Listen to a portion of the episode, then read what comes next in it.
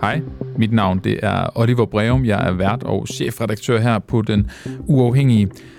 Nu vil jeg gerne øh, lægge op til dagens uundgåelige interview, som vi her på redaktionen synes, du skal høre. Det er et interview med Jakob Engel Schmidt, politiker fra Moderaterne, og det her interview det handler om, hvad der gør, at Moderaterne er det eneste midterparti i dansk politik. Det mener Moderaterne selv, de er, så øh, det spørger jeg ham ind til. Hvad gør det? Og så øh, har vi en diskussion om, hvad det betyder for et parti, at de ikke vil pege på øh, enten Mette Frederiksen, Søren Pape eller Jakob Ellemann Jensen som statsminister. Nu øh, skal vi øh, videre og fortsætte med øh, lidt politikersnak og, øh, og blive klogere på, øh, på de politikere, der stiller op til, øh, til valget. Det er valgkampens, hvad er det, femte dag eller sådan noget? Det var i onsdags, det blev, det blev udskrevet, øh, hvilket vil sige, at vi har godt 22 dage, må det være, tilbage. I morgen er der tre uger til, at vi skal, vi skal ned og stemme. Øh, der er debatter, der er øh, alle mulige arrangementer, der er en masse mærkesager, der bliver øh, kastet rundt og, og op over det hele, og øh, vi gør, hvad vi kan her på Den Uafhængige for at blive, blive klogere på det her. Til morgen har det jo været et stort fokus på, hvem filen det egentlig er, der er tale om, når der skal afbiokratiseres. Det fortsætter med de andre dage. Det er ikke det, vi skal snakke om nu. Vi skal tænke finde ud af, hvem der egentlig er, og hvad der egentlig er et rigtigt øh, midterparti i øh, Danmark. Jakob øh, Engel Schmidt, godmorgen. Jamen, godmorgen. Politisk chef i Moderaterne. Jakob Engelsmidt, du var jo med i, øh, i fredags, hvor det blev, og du påpegede det jo selv i radioen, det blev alt for kort, det interview. Jamen, det blev alt for kort, ja. det er fordi, vi holder sådan nogle øh, strategimøder hver eneste det, morgen, eller det. i hvert fald øh, sådan, sådan nogle morgenmøder i, øh, hvad hedder det, den, den lille ledelsesgruppe, vi har i vores lille parti, og øh, ja, det, det trak en lille smule ud. Der var meget at tale om. Og prøv at høre, det, det sker, og vi er ikke for fine til at lave en ny aftale selvfølgelig, så vi kan, vi kan fortælle det ordentligt igennem. Så det synes jeg, vi skal gøre nu. Ifølge dig, øh, så har du skrevet på, på Twitter i sidste uge, at radikale venstre part Mette Frederiksen som statsminister efter valget. Moderaterne er derfor det eneste reelle midterparti tilbage i dansk politik. Og det er jo det, jeg så gerne vil, vil tale med dig om nu. Du nåede lige at sige det i fredags, hvor vi jo så som sagt løb ud for tid. Vil du ikke lige gentage, hvad er det, du mener med et midterparti?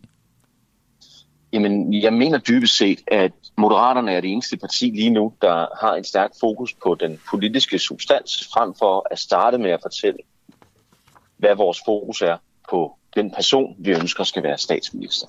Vi har jo, øhm, vi har jo ikke statsministervalg i Danmark, vi har jo folketingsvalg. Og jeg var så glad ved, at Radikale Venstre, som et af de eneste partier, fokuserede lidt mere på, hvad de gik og mente, og hvad de mente rent politisk skulle være kravene til den regering, de kunne støtte, i stedet for at gå ud og melde ud med det samme, øh, hvem de synes skulle sidde for bordenden. Og det kommer lidt trist. Øh, men nu skal jeg også stoppe med at tale om det radikale venstre, ja, fordi tak. Moderaterne er generelt et parti, der heller vil tale om, hvad vi selv går og mener, end, end bare andre går og mener. Og jeg synes, det er vigtigt, at der i hvert fald er et parti tilbage her i valgkampen, hvis fokus er stærkere på at pege på, på noget, altså det politiske indhold, end på nogen. Så når og jeg det, spørger dig, ligger, hvem peger Moderaterne på som statsminister, så vil du ikke svare? Det er ikke, fordi jeg ikke vil, men det kommer jeg ikke til, fordi jeg vil svare på alt det, vi peger på rent politisk. Og så er vi jo et parti, der ønsker at samarbejde med mange andre partier, og øh, gerne en konstellation, der går hen over midten. Øhm, og så er det lidt mindre vigtigt for os, hvem det er, der sidder for bordenden, end, end hvad det er, vi samarbejder om. Så det vil sige, at I er et midterparti i tre uger endnu? For så skal der jo peges. Nej, det er sådan, undskyld, jeg siger det, sådan en, lidt en fortalelse af forventninger, af det, jeg lige har sagt. Okay. Det, det, det, det, det synes jeg ikke. Altså det, jeg har prøvet at sige, er, at det vigtige for Moderaterne er, hvad det er, vi samarbejder om. Det er ikke nødvendigvis det vigtigste, hvem det er, der sidder for bordet. Fordi hvis vedkommende, øh, som jo både kan være en socialdemokrat, det kan også være Søren Pape og Jacob Ellemann, øh, er bundet af et, et regeringsgrundlag øh, med stærk opbakning, så er det jo det, vi arbejder på at gennemføre.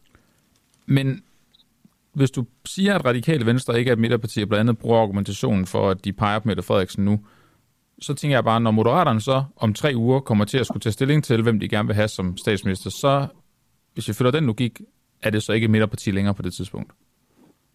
Åh, oh, altså, det, altså, det kan sagtens være, du har ret. Jeg, jeg vil ikke tage patient, patent på sandheden eller politiske labels, men, men altså, jeg har ikke kunne lade være med at undre mig lidt over, at, at, at radikale venstre mistede tilliden til, til Mette Frederiksen har kastet os alle sammen ud i den her valgkamp et, hvad er det, en otte måneder før vi i virkeligheden skulle ud i den. Og, og, det var radikalt, et, et, Ja, ja, og en halv dag efter valget er udskrevet, så har man så tillid til Mette Frederiksen igen som statsminister. Øh, det, det synes jeg, så, så helt, har hele øvelsen måske været lidt unødvendigt.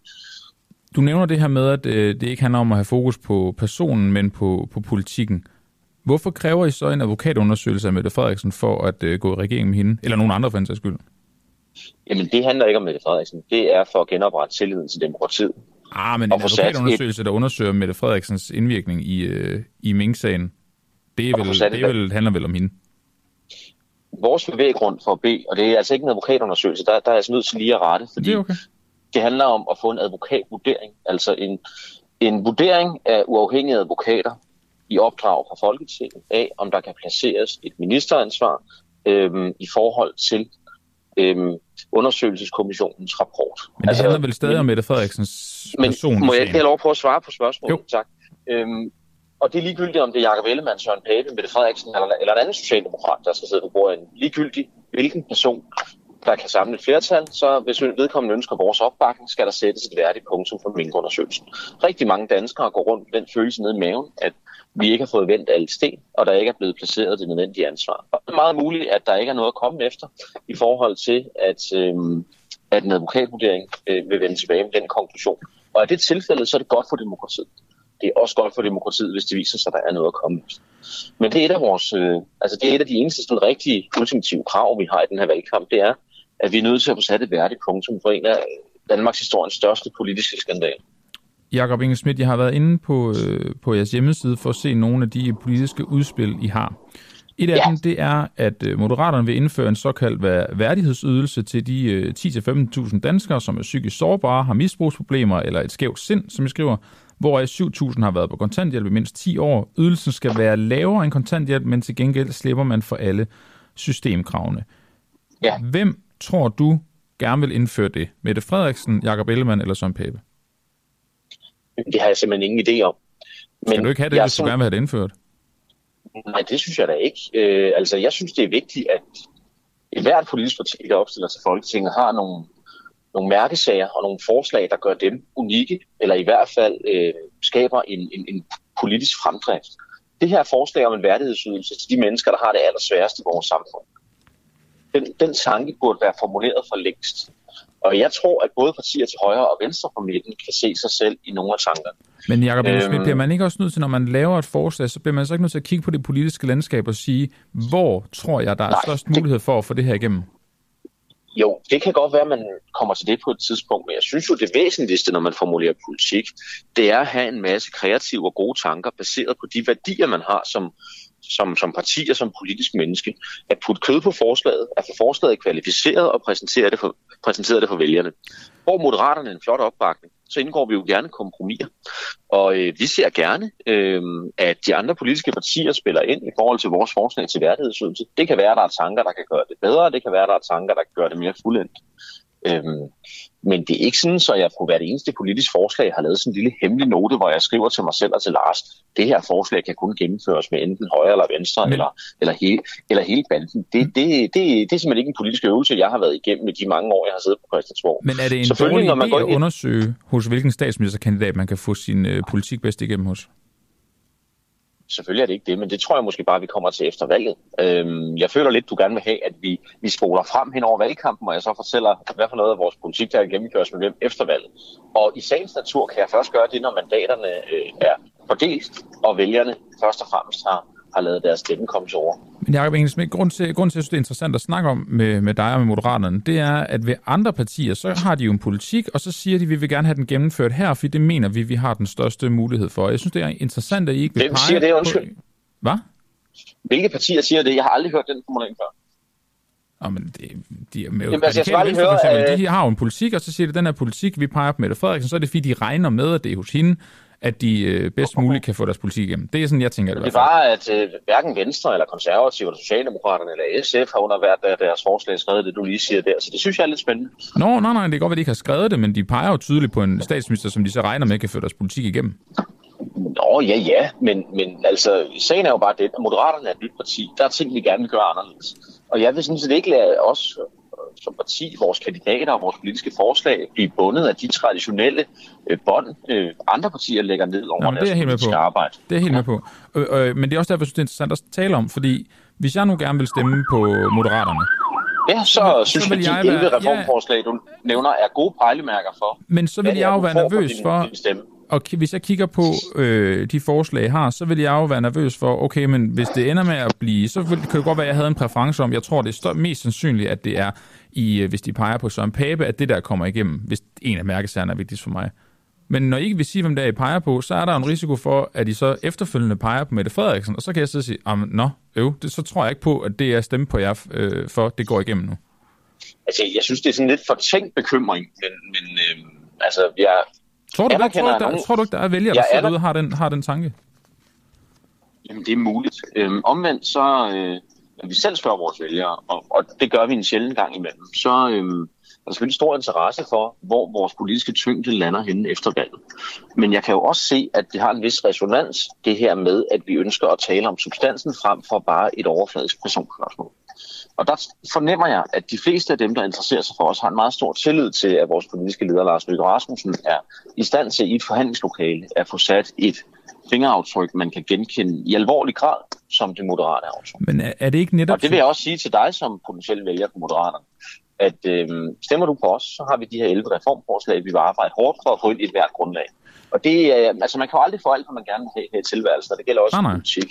Men vi kommer jo ikke til at sige ja til en konstellation, hvor vi ikke kan genkende meget store dele af os selv. Men er det ikke også substans, at man gør sig klart, og gør os klar for vælgerne, det er den her statsminister, vi tror, vi kan få vores ting igennem på. Det kan jeg også som vælger ikke gennemskue.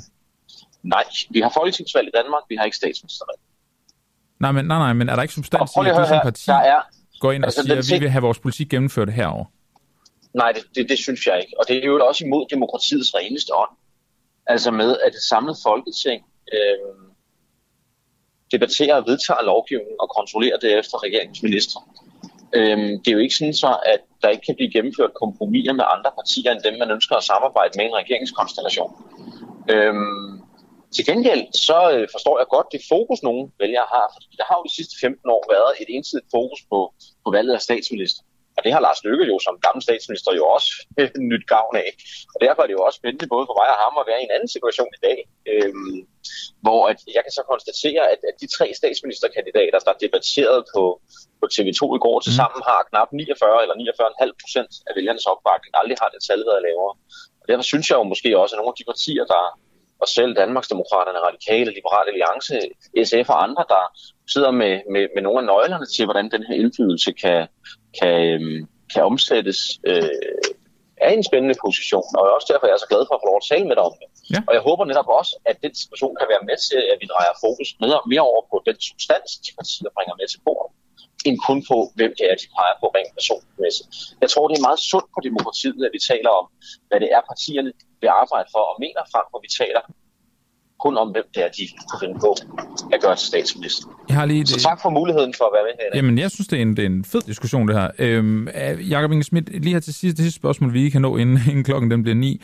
Har, har I, øh, for ligesom at finde ud af, hvor realistiske jeres øh, værdier, eller ikke værdier, jeres, øh, jeres forslag er, er I så i dialog med nogle af statsministerkandidaternes partier for at undersøge det? Vi taler med dem alle sammen, men det er ikke for at undersøge det. Det er da, fordi vi er kollegaer, og vi kender hinanden på kryds og tværs. Nå, okay, men så I undersøger ikke under et valg, Ej, hvor I det er ikke sådan, jeg har sendt et spørgeskema rundt øh, til de andre. Øh, det er jo det er meget fristende, det kan faktisk være, at jeg skal overveje det. Tak for det gode råd. Den er gratis. Tak, tak.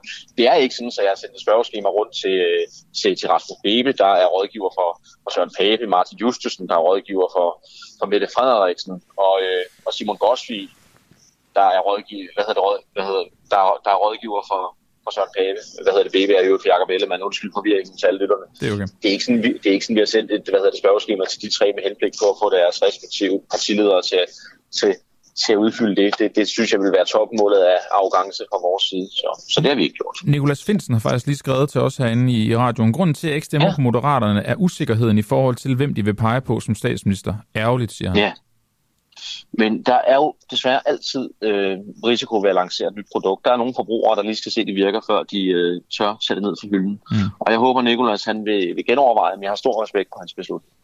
Jakob Engel Schmidt, politisk chef i Moderaterne. Tak for en, øh, en god diskussion, øh, interview her i øh, hos Uafhængig. Jeg håber, Jamen, som jeg har sagt mange gange nok. her i valgkampen, så er I altid velkommen. Det er godt. Vi kommer sikkert til at gøre det igen, Jacob Engel Schmidt. God dag. Det er i orden. Tak for en god snak. Hej igen.